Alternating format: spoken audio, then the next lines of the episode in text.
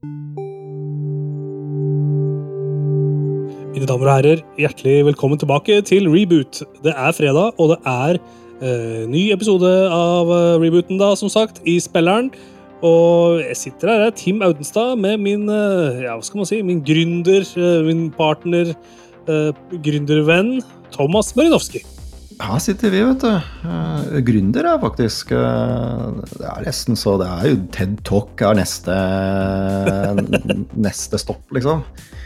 Ja. Slik, uh, slik startet vi Slik bygde vi verdens største Speedpodcast Riktig. Det som er trikset med å lykkes med en eh, TED Talk, det er å bare begynne å snakke om eh, man skal organisere tiden sin. Og da Ja. er det rett på YouTube med millioner av views med en gang.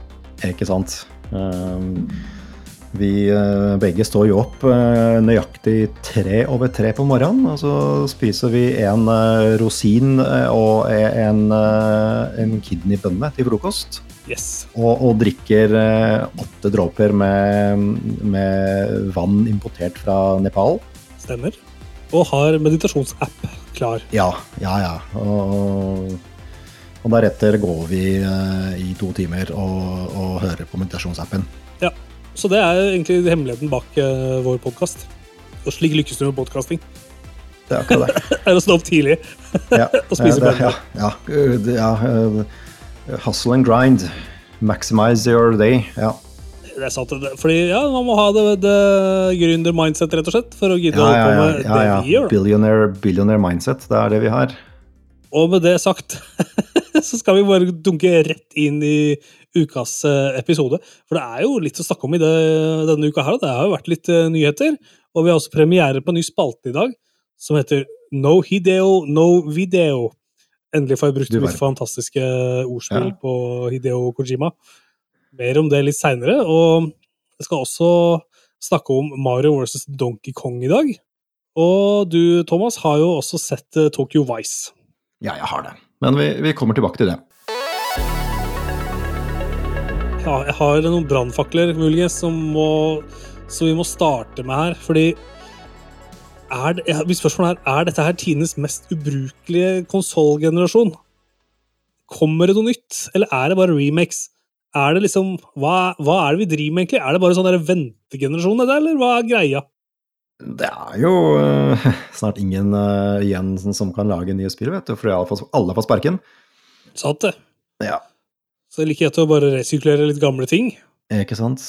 Men, øh, men det retoriske spørsmålet henger jo øh, i og for seg sammen med, med, med nettopp det som har vært øh, tematikken i siste måned, egentlig. At det begynner å bli litt kritisk i konsollbransjen. Uh, Absolutt. Og, og um, folk eh, får jo sparken i hytt og pine. Eh, Vi Ja, det, det er jo først og fremst altså Denne uka så, så, det jo, eh, så har det jo blitt offentliggjort at uh, Sonys PlayStation-divisjon eh, sparker 900 mennesker på, på tvers av forskjellige studioer. Uh, Og et helt studio blir lagt ned. Uh, og det henger jo også sammen med flere andre studioer som sparker folk, som ikke er en del av Sony. Um, og det er jo ikke lenge siden Microsoft sparka vel 1900 mennesker, Mm. også på tvers av uh, avdelinger, men kanskje i størst grad fra Activision Blizzard-delen. Og egentlig hele tech-industrien som helhet har jo også blødd mennesker på veldig mange områder. Uh, og sånn for å, for å ta opp det du sa, da, så er det liksom ingenting nytt som vi laget. Det er jo det er, alt, Jeg tror liksom det henger sammen alt sammen. At det er eh, At det er jo blitt veldig lite bærekraftig å drive med dette her. Eh, de store spillene har jo blitt så bloated, eh, og da tenker jeg ikke på nødvendigvis spillene seg sjæl, men prosessen bak. Ikke sant? Det er så mye folk. Eh, og det, tar så mange, det koster så mye penger å lage de største spillene, og det tar så lang tid at det er jo ikke bærekraftig. Det er veldig vanskelig å tjene inn de pengene. Så resultatet er jo nå at, eh, at eh, studioer og konsollprodusenter eh, skjærer vekk folk Mm. for å spare inn, for å spare inn penger. Inntrykket mitt var jo under koronaen at mye tech og mye spillstudier osv. gikk veldig bra. Og det var Ja. på en måte en boom og vekst i alle bauger og kanter. Og så skalerte man opp med veldig mange nye ansatte. Mm. Og så, når ting nå har stabilisert seg, kan du trygt si, og, og, og roe seg ned Den veksten har jo bremsa ganske saftig opp, da. Mm. Så, så har man ikke råd til å beholde alle de man uh, tok inn. Ikke sant? Det er akkurat det at man, man har ansatt veldig mye i 2020-2021, så det er plutselig for dyrt å ha dem. Uh, og det at ja, veksten har stagnert, det har blitt jævla dyrt å utvikle spill. Ja, det òg. Ikke minst det. Ja, ja ikke sant. Det, det tar så lang tid. Eh, så den, den liksom trippel A-industrien, den, eh, den bare er mindre og mindre bærekraftig. Og det å liksom legge om strategier og ikke sant, Det er så altså, begynne å lage andre typer spill ikke sant, altså, det, det er mye mer komplisert. Det er lettere å bare sparke masse folk Ja, sant. enn å, enn å liksom uh, ha en sånn massiv eh, pivot til mindre spill, eller Ja, ikke sant, gud veit. Eh, man ser jo i hvert fall én strategiendring, eh, og det er jo det både Microsoft og Sony har snakket mer og mer om, å gå mer i multiplattform. Eh, at, at det, er liksom writings on the wall for for eksklusive spill, da, kanskje, på sikt. At, at det er liksom lite penger å tjene på det, rett og slett. Og ikke sant, at det, det er så dyrt å lage eksklusive spill at, eh, at det, det å bare holde dem til én plattform begynner å ikke bli eh, lønnsomt. Nei, det er helt sant. Ja. Og, og igjen, eh, litt av det jeg også nevnte med Tommy sist, er at det, det er jo samtidig dyrtid for, alle, altså for oss vanlige folk, da. Så det For oss er det dyrt nok å kjøpe en konsoll til mange, mange tusen kroner. Og så skal du i tillegg eh, betale oppimot 1000 kroner på spill. Eh, Ja. Ikke sant? Det, det har vi ikke råd til. Det, ikke sant? Jeg, jeg har en akseptabel lønn, og jeg syns det er jævla dyrt for liksom ett stort storspill, liksom. Det er, eh, det, det er liksom Man har andre prioriteringer. Ja, og det er som du sier, da. De spillene nå koster jo mer og mer. Og da er det viktig å huske på at fysiske spill er jo billigere uh, i mange sammenhenger. Hvis du uh, vil ha noe på dag én, så er det Ja. sannsynligvis lurest å gå på platekompani og kjøpe det Nei, på Elkjøp og kjøpe det fysisk. Og da får du 10% rabatt hvis du er medlem av kundeklubben der, ikke sant. Men hvor lenge kommer vi til å ha fysiske spill? Ja. Det, er også, det spøker jo for, for det også. Mm. Eh, Det er jo stadig flere ting som ikke kommer fysisk i det hele tatt. Som eh, bare kommer digitalt. Eh, De sånne store spill som Alan Wake 2, for den saks skyld, og mye annet. Og alle konsollprodusentene lukter jo på, på digital only-konsoller. Ja, det er jo rykta i år òg at det kommer en ny Xbox uh, Series S som er all digital. Ja, ikke sant. Og, det, det er bare liksom Det er bare et spørsmål om tid. Om det ikke er denne generasjonen, så uh, kanskje neste generasjon de ikke har noe fysisk uh, Mm. fysiske disker i det hele tatt. Så det er, um, det, det er helt klart at det føles, uh, føles som at vi, vi er på en måte på litt sånn uh, hva, hva skal jeg si på, på trappene til en sånn uh, en eller annen slags omveltning i hele industrien. Hvor um, man kanskje må strukturere det annerledes. Ja, definitivt. Du kan ikke ha hele studiet jobbene på samme spill, tror I jeg. åtte da. år. Nei, ikke sant? Hva gjør du da når du er ferdig? Mm. Hvis jeg hadde jobba et sted, så hadde jeg vært superstressa hvis hele studio jobba på samme spillet samtidig. For da veit du det at når det spillet er ute, så har du ikke noe nytt prosjekt nødvendigvis å hoppe inn på. Mm. Fordi du jobber kanskje ikke som konseptutvikler, du jobber som uh, 3D-designer. Og hvis ikke du har Mm. noe spill å designe modeller til, så har du jo heller ikke noe jobb da, ikke sant. Ja. Så ideelt sett så tenker jeg hvis jeg hadde, hvis jeg hadde drevet et kjempestort studio, så ville jeg hatt flere prosjekter på gang. Jeg tror kanskje jeg ville hatt tre teams. Et Mm. som lagde prosjekt A, som var et visst sted i den prosessen, og da samtidig så var kanskje prosjekt B i, et, eh, i en annen fase, og så igjen ha et prosjekt C, og da kunne du hele tida relokalisere ressurser inn på nye spill og inn på eksisterende produksjoner. Så du hele tida har uh, noe på gang, da. Ja. Og det er jo mange som gjør det uh, på den måten. Uh, men mange som har flere, flere spill på, på, gang samtidig, for all del. Men, men det er dyrt å drifte det òg, ikke sant? Absolutt. Ja, ja, herregud. Jeg, et hode koster nok en mill, da, i den Ikke sant. Så når du, når du begynner å slanke ned antallet folk, så, så må du gjerne også kansellere ting og, og kutte, ned på, ja, kutte ned på ambisjonene. Så det er jo ond ond sirkel, Det er nok mange spill som nå blir kansellert, som vi ikke veit om. Som har, sannsynligvis også har kommet ganske langt i produksjonen. Da. Ja. ja, det er jo i hvert fall i, i den runden med Sonys uh, oppsigelser, så, så har det jo vel vært eh, sagt at eh, Altså, det er jo et helt studio, også London Studios, eh, som, eh, som blir jo lagt ned. Og mm, hva enn de jobba med, blir jo, blir jo borte. Mm. Uh, men det er også blitt nevnt at uh, det er uh, noen andre spill som, som blir kansellert. Jeg husker ikke helt i farta. Altså, det er jo spill som ikke er blitt uh, bekrefta. Men, men ja, det ryker nok noen prosjekter der. Definitivt.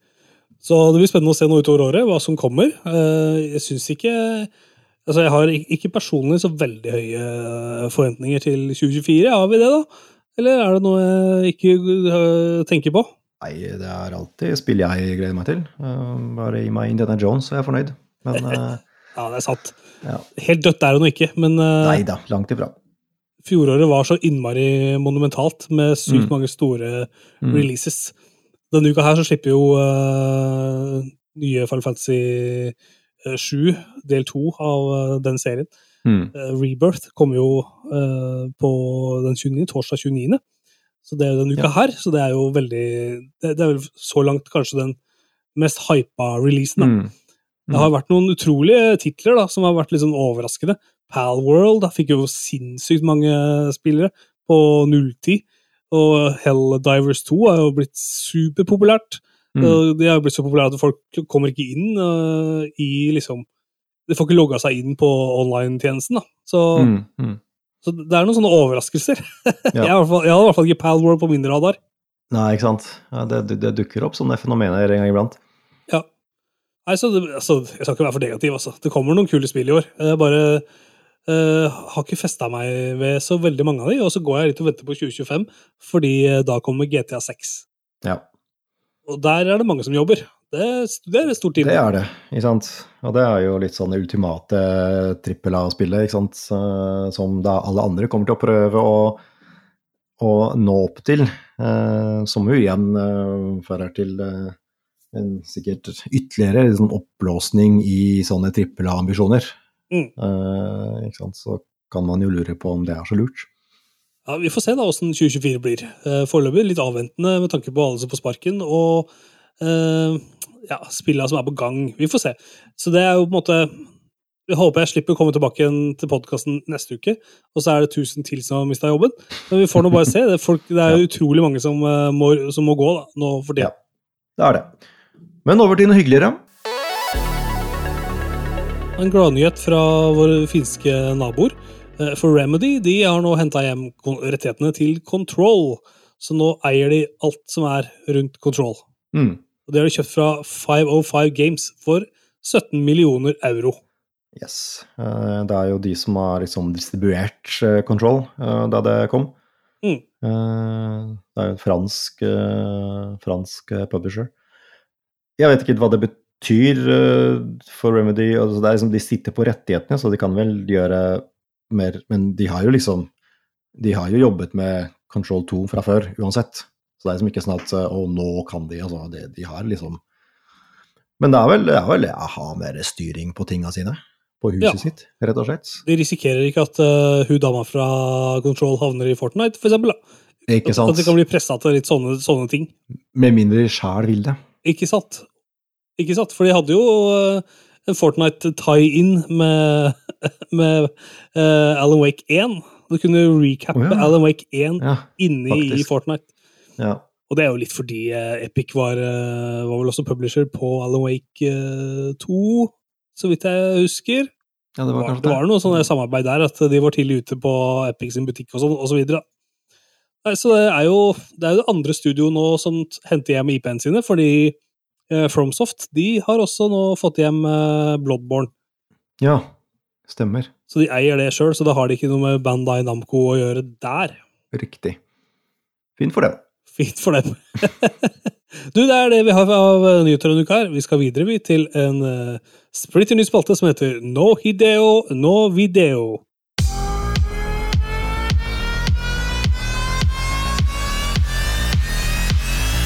No Hideo, No Video.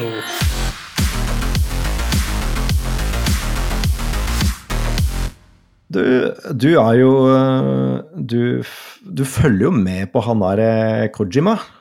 Ja, jeg gjør det. Ja. Jeg har blitt besatt av Kojima. ja.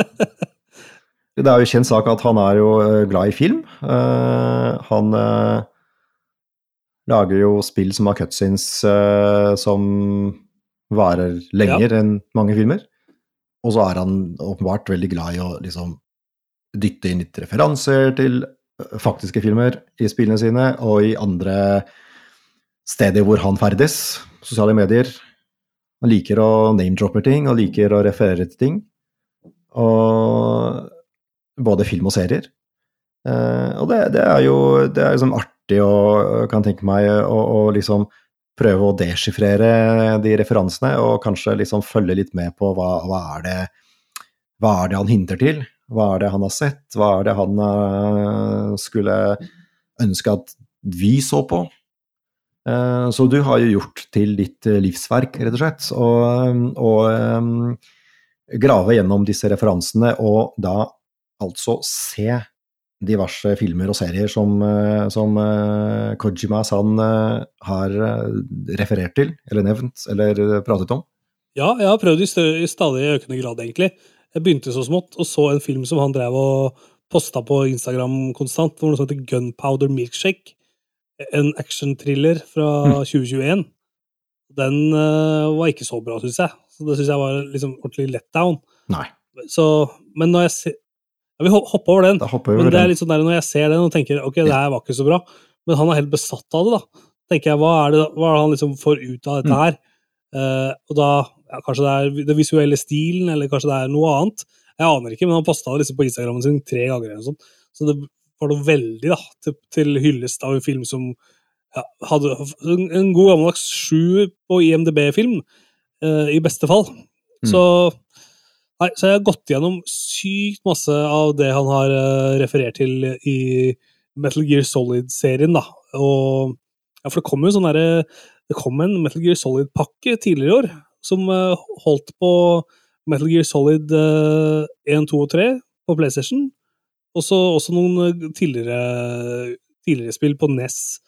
Og et, et GameCube-spill var også med der. En GameCube-variant av uh, mm. Metal Gear Solid. Så da har jeg liksom blitt litt besatt av dette her, da. Og dykke og I Metal Gear Solid 3 særlig, så er det utrolig mange referanser til ulike filmer. Og de skal vi, vi skal kikke en del Mm. på noen av de i denne spalten her. Men i dag så begynner jeg spalten med å snakke om The Incredible Shrinking Man fra 1957.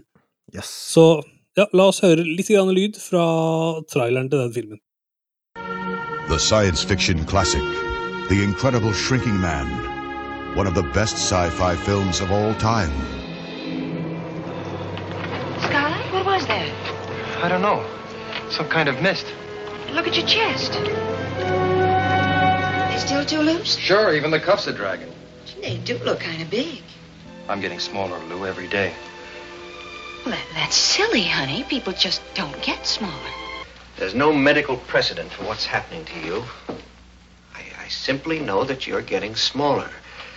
The x-rays prove it beyond any doubt. Are you going out? Yes, for a little while. Where?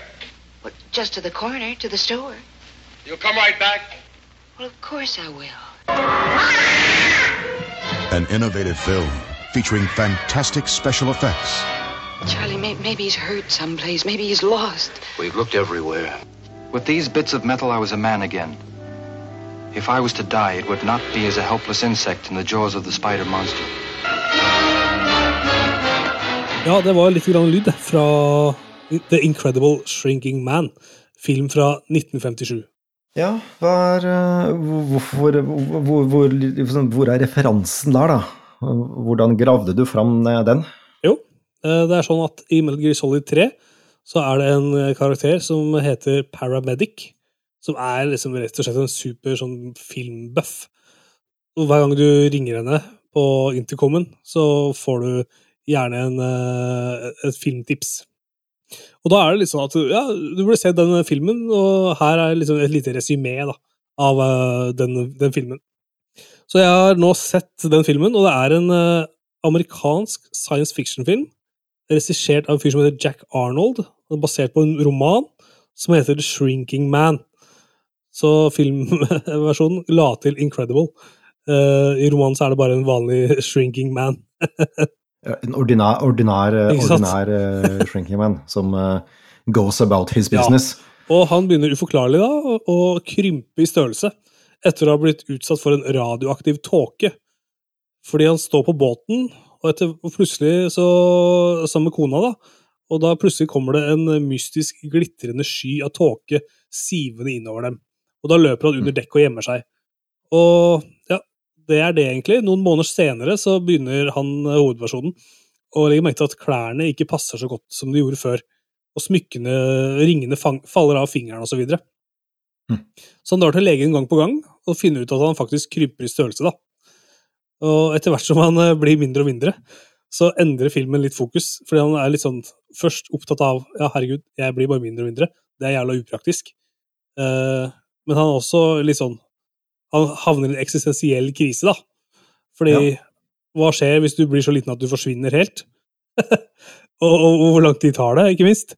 Så han må jo da eh, overleve i en verden som blir stadig mer uforståelig for han.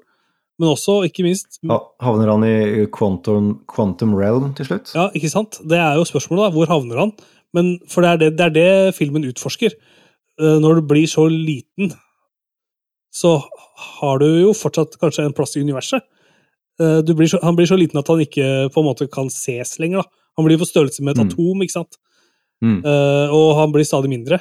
Og ting på på veien til dette til atomstørrelsen, så må han jo slåss mot en katt, blant annet. En huskatt, og seinere også en edderkopp, som uh, blir en dødelig fiende, da. Og han eh, plukker opp en liten spiker og slåss mot den eh, edderkoppen i en veldig kul scene, egentlig. Det er veldig fine Det er veldig realistiske og gode spesialeffekter Mm. til å være en så dårlig Nei, unnskyld, til å være en så gammel film, så er det ikke noe dårlig med de eh, spesialeffektene. De, er, de har Mm, holdt seg mm. godt, syns jeg. Så er det, som vi var inne på, da, det er noen sånne filosofiske spørsmål som uh, dukker opp. For, for han blir jo rett og slett kjempe, kjempeknøttliten. Og Men han finner etter hvert en sånn eh, ro i erkjennelsen av at uansett hvor liten han blir, så vil han uansett være en del av universet. Ja. Og han blir, så, altså, han blir så liten at kona hans roter ham bort. så slett. Finner han ikke igjen. Han blir altså Mm. knøttende liten og har bare seg sjøl å, å være sammen med. Da. Det fins jo ingen mennesker som hører hva han sier. Han er bare en liten Han bare piper, ikke sant? Han er så liten. Ja. Ja. Eh, Så hva er greia, da? Hvorfor er dette her noe Hideo Kojima har eh, vært opptatt av? Hvorfor omtaler han denne filmen her som en av de- hans favorittfilmer? Hva er koblingene? Jo, hvis vi først starter på de eksistensielle spørsmåla om menneskets plass i universet, så er det jo eh, et gjennomgående tema i Kojima sine spill. Mm. Det er menneske, I Metal Gear, og, og ikke minst i Death Stranding, så er det jo menneskets plass i en eh, foranderlig og ofte veldig fiendtlig verden. Mm. Og gjerne en, eh, en verden hvor du er ensom, og du er isolert, og du jakter på mening, da. Mm. Uh, og det er jo det der med Du som spiller eh, Du spiller en karakter som er uh, alene uh, i spilluniverset, men som har Som jobber med å skape en kobling mellom andre spillere, kanskje, og karakteren og de andre kar og karakterene i uh, spillet. Så det er et aspekt av det som, som hentes igjen. Eh, noe annet som jeg har merka meg, er jo da selvfølgelig konfrontasjon mellom ukjente. På samme måte som du blir veldig liten og ikke helt veit hvordan dette her skal Mm. bli, så er du også som eh, Solid Snake sendt ut på oppdrag hvor du egentlig ikke veit helt hva som kommer til å skje. Du har et oppdrag, men hva som skjer på veien, det må du bare roll with. Eh, Roll with the punches. Og ikke minst overlevelse. Uh, Death Stranding er jo et postapokalyptisk landskap med overnaturlige fenomener og fiender. Ikke, har du, spilte du Death Stranding du i det hele tatt? Har du vært innom det? Nei, Nei. Det er jo et ganske sært spill. Det, er jo, det er jo på en måte et spill som ikke er morsomt. Det er, det er ikke underholdende på den samme måten som Mario, men det er jo Det, det berører jo spilleren på en annen måte. Mm. Og det er jo en miks av science fiction og filosofi i både uh, denne Incredible Shrinking Man, og også i mange av spillene som man holder på med. Mm. Så det er, eh, det er kanskje nok ikke direkte paralleller mellom Incredible Shrinking Man, men de har en felles grunn uh, når det kommer til bruk av fantastiske elementer og science fiction-elementer. Mm. Så det er alltid veldig uh, selvransakende, eksistensielle uh, temaer som uh, han kommer inn på. Mm. Å finne da mennesket sin plass i kosmos og søken etter mening i ting som kan virke utydelig, men som faktisk gir mening når man ser dypere på det. Ja. Og du er jo ikke en Kojima-dude, men så spørsmålet nå er jo får du lyst til å utforske uh, Kojima sine spill, eller blir det for, for far-fetched for en fyr som deg? Nei, det blir ikke eh, nok eh, noe Kojima-spilling på meg. Eh, I hvert fall ikke etter å ha hørt på, på din omtale av Incredible Shrinking Man. Da, da blir jeg bare enda mer forvirra. Ja, man må være litt uh, klar for litt sånn sprø rare ting, altså. Ja da. Nei da. Det, mm, det, er jo med, det sier jeg jo med all respekt, men jeg har aldri hatt noe særlig forhold eller sans for Kojima sine kreasjoner, så det, det kommer jeg nok ikke til å ha fremover heller. Men, eh, men det er absolutt artig å lære, lære om disse, disse referansene. Og, og, og de weirde filmene og serier som, eh, som dukker opp. Så, det, så det ser jeg, jeg ser frem til å høre om de gullkorna du har funnet. Så bra, fordi neste uke kommer jeg tilbake med mer fra Hideos videoverden. Fett. Og denne gangen, den gangen blir det The Fury fra 1978. Nice. Så mer, mer kommer. Siste spørsmål. Er Ja. eh, Incredible Shrinking Men i sort-hvitt? Det er den. Ja. Det var det jeg trodde. Det var det jeg fryktet. Sort-hvitt og fine farger. Minus fine farger.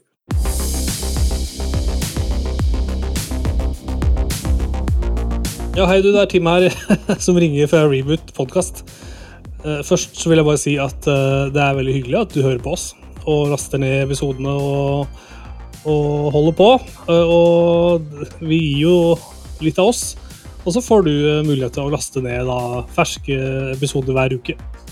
Eh, vi ønsker oss litt hjelp, og det er bare det at eh, hvis du går inn på Spotify og rater oss der med sånn stjernerating på mobilen, så er det veldig nyttig for oss. Eller så kan du gå inn på Apple Podcasts og legge igjen en anmeldelse der, eller bare en stjernerating der òg. For det hjelper oss. Og så kan du tipse venner og dele link til episoden og sånn. Det er veldig kult gjort, altså. Eh, Vi er ganske små og uavhengige og syns det er eh, Ja, det hjelper oss veldig når folk eh, deler og rater. Ja, så det var bare det.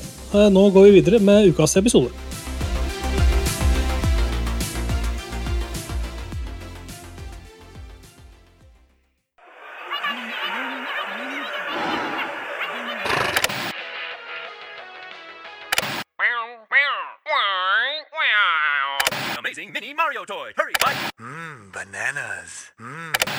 Mario toy. It walks, it talks, it says, Mamma mia. Each one comes in its own crystal ball. Collect one, collect them all. Be the first one on your block to own the amazing new mini Mario toy. Hurry before they're all sold out. Hurry, buy one, buy them all. Buy them all. Buy them all. Buy them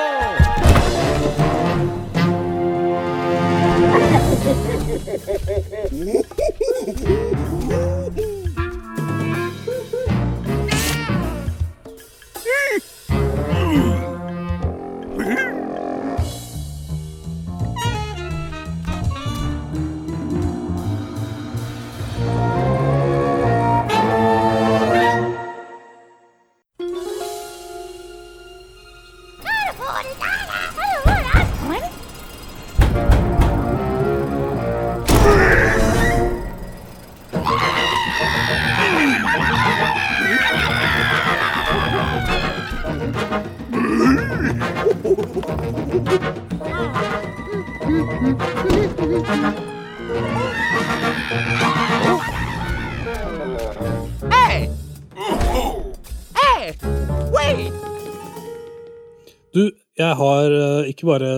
på krympende menn. Jeg har sett på eh, en eh, mann som eh, er heldigital. Og allerede er ganske krympet egentlig fra før. Ja, han er en liten tass, føler Er jeg. ikke liksom er ikke store fyren. Nei. Jeg har aldri sett at Mario, tenkt at Mario er noen så svær fyr. Sjøl når han er i en verden hvor han er stor, så tenker jeg at verden er liten. Mm. Jeg vet ikke hvorfor, men sånn har det blitt. Jeg har spilt Mario vs. Donkey Kong.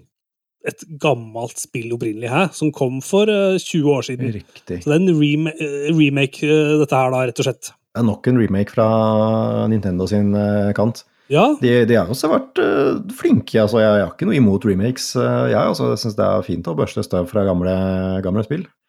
Men eh, men Nintendo har også vært veldig aktive på, på det området de siste åra. Det er jo mye, mye ting fra Kanskje i stor grad fra liksom, håndholdte konsoller. mm, Altså tidligere altså både Gameboy og DS og, så, som har liksom blitt pussa opp, eller blitt liksom laget på nytt, da. Ja. Uh, er, er det et av de dette er et av de, ja. Dette er et Gameboy Advance-spill som eh, kom, uh, kom da. Og jeg har sett en sånn sammenligningsvideo på YouTube Mm. hvor de tok liksom brett for brett. Mm. Og da er det basically helt likt. Ja. Bare at nå er det super shiny, nydelig eh, 60 FPS eh, 3D-grafikk, Så det liksom. er en re remaster, rett og slett. En, eh, en pussa opp, pussa opp versjon av det gamle spillet. Ja. Det er liksom ikke en, en eh, remake fra grunnen av. Det er nok en remake fra grunnen av. Det tror jeg. Men uh, det er det samme innholdet. Stort sett så er det, det er lagt til to nye verdener i, eh, i spillet. Men uh, i starten så er alt sammen likt. Og alle mekanikkene og alt sammen er eh, nøyaktig sånn som det var i 2004. Men da er det en remaster, da. Ja, det er sant, det, da. Men Ikke en remake. de har jo bygd det opp igjen da, fra nytt, på nytt, liksom. Kanskje jeg ikke helt skjønner hva en remake eh, eller remaster er. Da tror jeg vi dropper den debatten. eh, Jeg tror vi har vært gjennom det nok, nok av ganger. Ja, så jeg tror, vi, la, jeg tror vi, vi bare lar lar det ligge. I hvert fall så er det en ny versjon av et gammelt spill. Ja. Og det er eh, veldig kult. Sånn som du sa, så er det jo altså Nintendo er jo på krigsstien, så å si. De, går, de Mm. slipper jo eh, sinnssykt mange gamle spill på nytt om dagen. I fjor så kom jo det der Advance Force uh, Reboot 1 og 2. Mm. Og det er ikke lenge siden heller at vi fikk uh, Super Mario RPG. Og i det hele tatt så velker det jo ut nå en del uh, klassiske spill på slutten av Switch-generasjonen, da. Og dette det er jo bare å få det med seg, folkens. Det er gode spill som kommer. Så jeg er redd for at noen av de spillene her de faller liksom litt mellom eh, to stoler. For det er liksom ikke sånn kjempestor profilert release. Men det er jo ikke, det er slett ikke et eh, dårlig spill heller. Mm. Så man eh, Samtidig så er det jo Altså, det er jo kanskje litt altså Det er et fiklespill for uh, folk som liker å fikle. Det er ikke et, det, dette er ikke et ordentlig Det er ikke et uh, fullskala Mario-spill på noen måte. Nei, Det er en puzzle, rett og slett. Det refererer egentlig ganske mye til eh, Donkey Kong, det første arkadespillet der Mm. hvor Mario var med, da han het Mm. eh, Jumpman. Ja, ja, stemmer. Og det er ganske sånn uh, lite komprimert, hvert enkelt brett. Du har en verden som består- av uh, seks brett, og så har du et uh, to, en boss på det brettet, og så har du også en sånn egen mekanikk eh, som er en del av uh, den verden, da. Og den egne mekanikken handler om at du uh, skal løpe gjennom banen. Det er litt sånn lemmingsaktig. Du skal hjelpe Mm. noen små mariorer til å komme opp i en lekekiste. Mm. Så det er Jeg kan jo si litt om, om storyen, da. I den grad det er en story.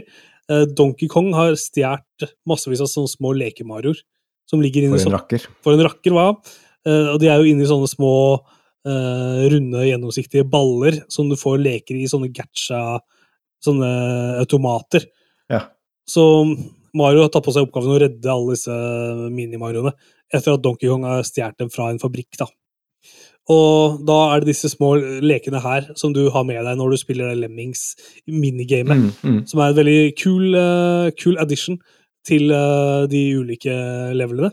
Og hver enkelt level ja, det tar ca. en halvtime å spille, og det er eh, helt konge, det. Eh, jeg gønner gjennom alt som er, og så etter hvert så blir det eh, stadig utfor mer utfordrende, litt mer utfordrende for hver gang. Det er jo, Mm. Nintendo er jo utrolig flinke på å lage en sånn sykt sånn smooth progresjon. Nettopp. Og det blir vanskeligere og vanskeligere. Men du det blir vanskeligere uten at du merker det. Ja, der er de helt magisk flinke, syns jeg, nesten hver eneste gang. Og her er her er det meditativt og avslappende å, løse de ulike banene, da. Og det oppgaven på en sånn bane er å få tak i en nøkkel, og så Mm. ta med den nøkkelen og putte inn i en nøkkelhull, så du kan gå inn i døra og videre til neste brett. Og da er det masse ulike sånne mekanikker på et sånt brett, hvor du må hoppe over fiender, og du må, du må finne ut hvordan du skal komme deg til nøkkelen. Og for å komme deg dit, så må du hoppe på brytere, og du må klatre rundt og dodge fiender, og uh, Ja, det er litt sånn du må pushe deg fram, da. Stadig uh, Stadig vanskeligere. Uh, Mm. Stadig større utfordringer for hvordan du klarer å finne veien til nøkkelen og til døra. Og bossene er De er stort sett De er like. Eh, Det handler Ja. om å kaste tønner på Donkey Kong, akkurat som i Arkadespillet. Mm. Det som også er kult, er at eh, stort sett så er et brett det er en TV-skjerm. Ja. No, det er litt sånn at du kan eh, altså du, Noen ganger så går det litt opp og litt til sida og sånn, men uh, veldig ofte så er det hele spillet ditt får plass på Innafor én fire rammer. Ja, rett og slett. Ja. Så det syns jeg er komprimert og tight og godt løst, syns jeg. Så har vært hovednivå, som sagt, eh, du har en pusledel hvor du må finne nøkkelen, og så har du en Mini-Mario, og så har du en boss. Vips faller av, så har du gjort en eh, verden. Og så har du også noen andre bonuser, da. Så du kan, du kan hoppe, og du kan gjøre alle de tinga som Mario kan, men det er ikke et plattformspill på den måten. Det er et Nei, eh, puzzle game. Ja. Det høres veldig behagelig ut. Sånn Det digg. Så digg, ass. Ja. Bare, og det er som meditasjon, rett og slett, som vi snakka om innledningsvis. Ja. Hvis, ikke, hvis ikke den appen min funker, så kan jeg spille eh, Mario versus Donkey Kong.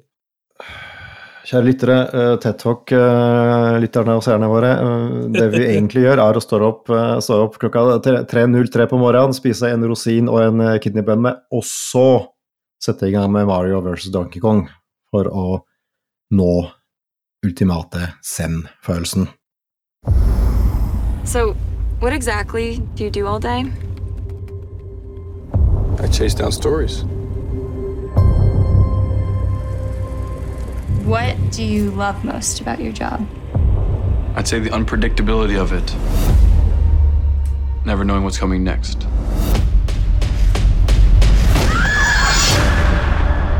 Jack, you did not come to Tokyo in pursuit of one man. There are other stories, other crimes to be exposed. That is your job. If you saw anything that can help me, now's my chance. I saw a tattoo. You know I'm on something. Chase it. Tell no one. 警察に潰されるか自分たちが変わるか答えは一つ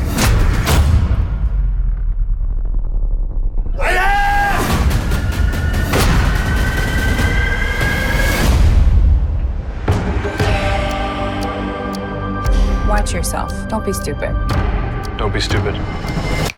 I have to remember that.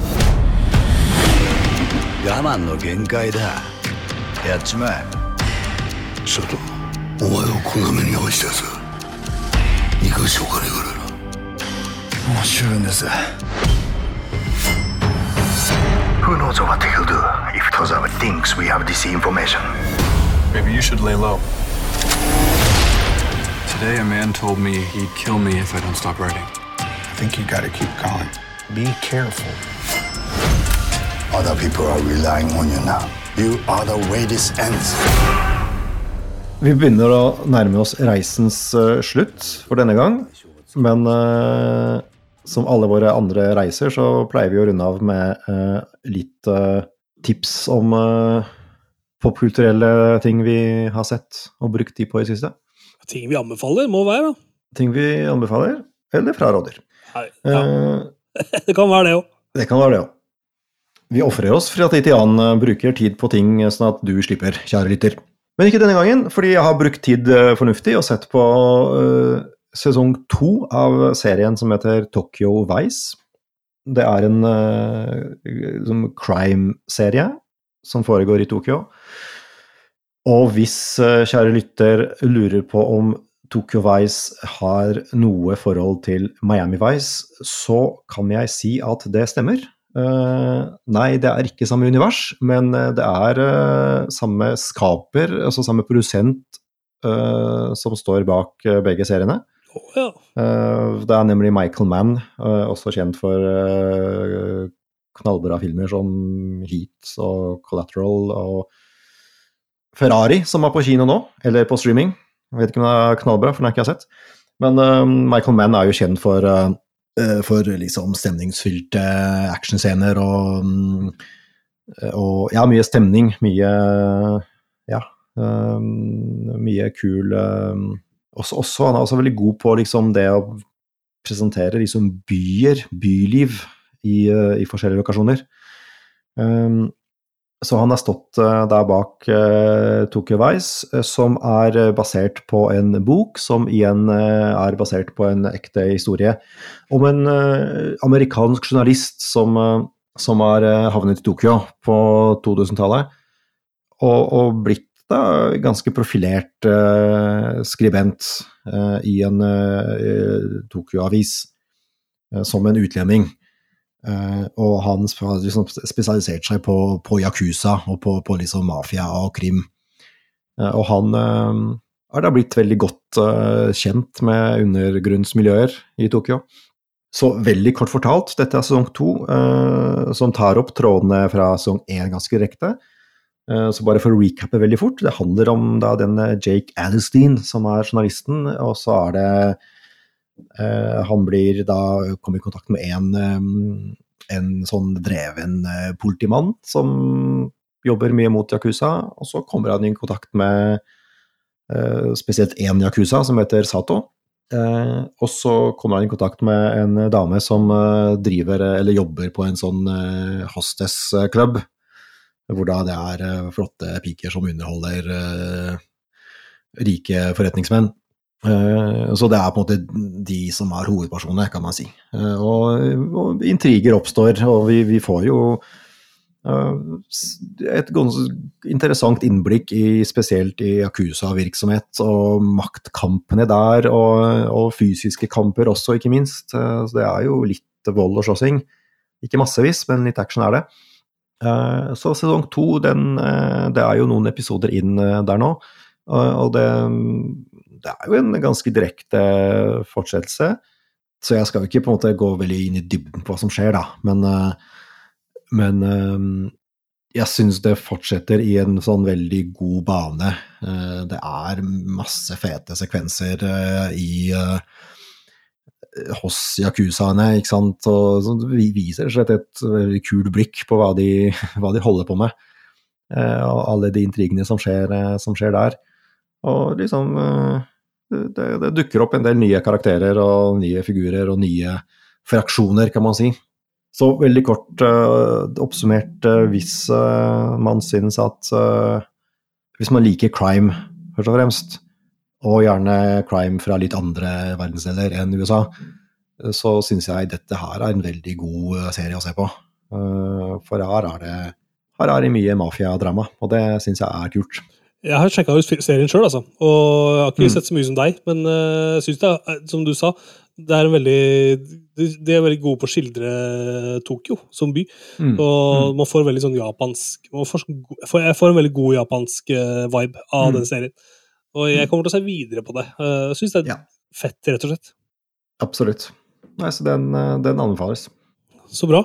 Min uh, anbefaling helt til slutt i dag, det er en uh, reality-serie som heter Clarksons Farm, som ligger på Amazon Prime. For den som ikke vet hva jeg holder med til vanlig, så kan jeg jo si at jeg jobber i Felleskjøpet, og der uh, jobber jeg med digitale medier, for det meste. Jeg har ikke så veldig mye med bøndene å gjøre, sånn, sånn, direkte. Mer at jeg hjelper dem med, med digitale løsninger.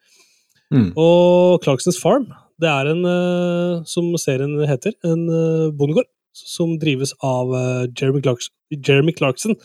Han er jo kjent fra Top Gear, og Mm. har også en serie som heter The Grand Tour, som bare handler om å kjøre bil, rett og slett. Det som skjer i livet til Jeremy Clarkson, er at han eier en bondegård som heter Diddley Squat. Og der har han hatt en forpakter i alle år, som har drevet gården. Men han forpakteren han går av med pensjon. Og da er jo spørsmålet hva skal han gjøre med gården? Skal han finne en ny forpakter, eller skal han eh, drive det sjøl? Mm. Og da bestemmer han seg for å drive det sjøl, og da får vi se hva slags utfordringer som følger med det. da. Eh, og det, det er jo litt sånn interessant, fordi mange har jo en sånn der småbruksdrøm, eller jordbruksdrøm, at kunne tenke, Mm. man kunne tenke seg å bli Mm. bonde, for det virker som det enkle liv. Jeg skal ikke ljuge når jeg sier at jeg har kikka på noen småbruk på Finn sjøl, men eh, når jeg ser utfordringene som fins, som jeg har hørt om da, i mitt virke som eh, ansatt i Felleskjøpet, så å eh, få se i denne serien her, som heter Clarksons eh, Farm, så er det ganske lite romantisk. Veldig ofte. Kan få deg til å komme på andre tanker. Ja, rett og slett. ass. For det handler jo om eh, alt som er av eh, moderne landbruk. Økonomiske utfordringer. Du har alt mulig sånn byråkrati. Og vær, ikke minst. Hvordan været påvirker alt du holder på med av produksjon. Og bærekraftig drift og miljøvennlighet. Og alt Mm. som er med landbrukslover.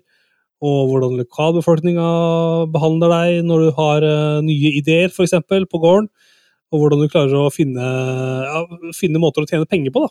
Og det er jo jævlig vanskelig å tjene penger som bonde. Du kan jo nesten ikke, du kan jo ikke tjene penger som bonde i dag, i, Mm. i, i Norge eller noe annet. da. Men du kan jo jobbe som bonde eh, og finne andre måter å tjene penger på, samtidig som du er bonde. Riktig. Og tette igjen de, de, de høla, da, på en måte, så du kan gå i, gå i pluss. Eh, og det kan man også se i denne serien her, hvordan han eh, tilnærmer seg det, og hvordan han prøver å tjene penger. da. Det er ikke så lett. Kan man være, kan man, kan man være bonde og tjene penger på å kappkjøre med bil, på å si? Ja, hvorfor ikke? Det kan være fint, hvis du er jævlig god Ja. til å kjøre bil. Eh, Han uh, er jo uh, ja, Jeg skal ikke, skal ikke spoile så mye, men jeg i hvert fall anbefaler veldig å se den serien her. Jeg, mye, jeg har lært mye av hvordan det er å være bonde, og jeg syns det er superinteressant å se, se landbruket på den måten. da. Ja, spennende. Kult. Du, da er vi rett og slett der vi skal være i dag med ukas episode. Vi skal fortsette vi med No Hideo, No Video neste uke, med filmen The Fury fra 1978. Som alle som vil være med og se den, kan jo gjøre det til neste uke. Jeg, jeg har ikke sett den før, så jeg gleder meg til å sjekke ut. Ja, det kan jo nesten eh, kalles en slags hjemmelekse for våre lyttere. Ja, fantastisk. alle elsker å få lekser. Så Bli med og Ja se den filmen, da, så kan vi snakke sammen om den eh, neste uke. Det skal vi, vet. Så bra. Men eh, da runder vi av eh, ukas episode. Thomas, har du noen uh, velvalgte ord du vil eh, sende, med, sende ut? Nei, jeg tror jeg har sagt det jeg skulle si, altså. Rett og slett. Fett. Da takker vi for i dag, og høres igjen neste uke. Farvel og adjø. Ha det! Tusen takk for at du har hørt på denne episoden. Det betyr mye for oss. Podkasten produseres av Tommy Myhrvold, Thomas Marinovski og meg sjøl, Tim Audenstad. Lyden er mastra av podmaster.no. Vi slipper en ny episode hver fredag, med mindre det er helt spesielle tilstander på gang. Hør alle episoder og kom i kontakt med oss på rebootpodkast.no. Du finner oss også på Instagram ved å søke på Reboot Podcast.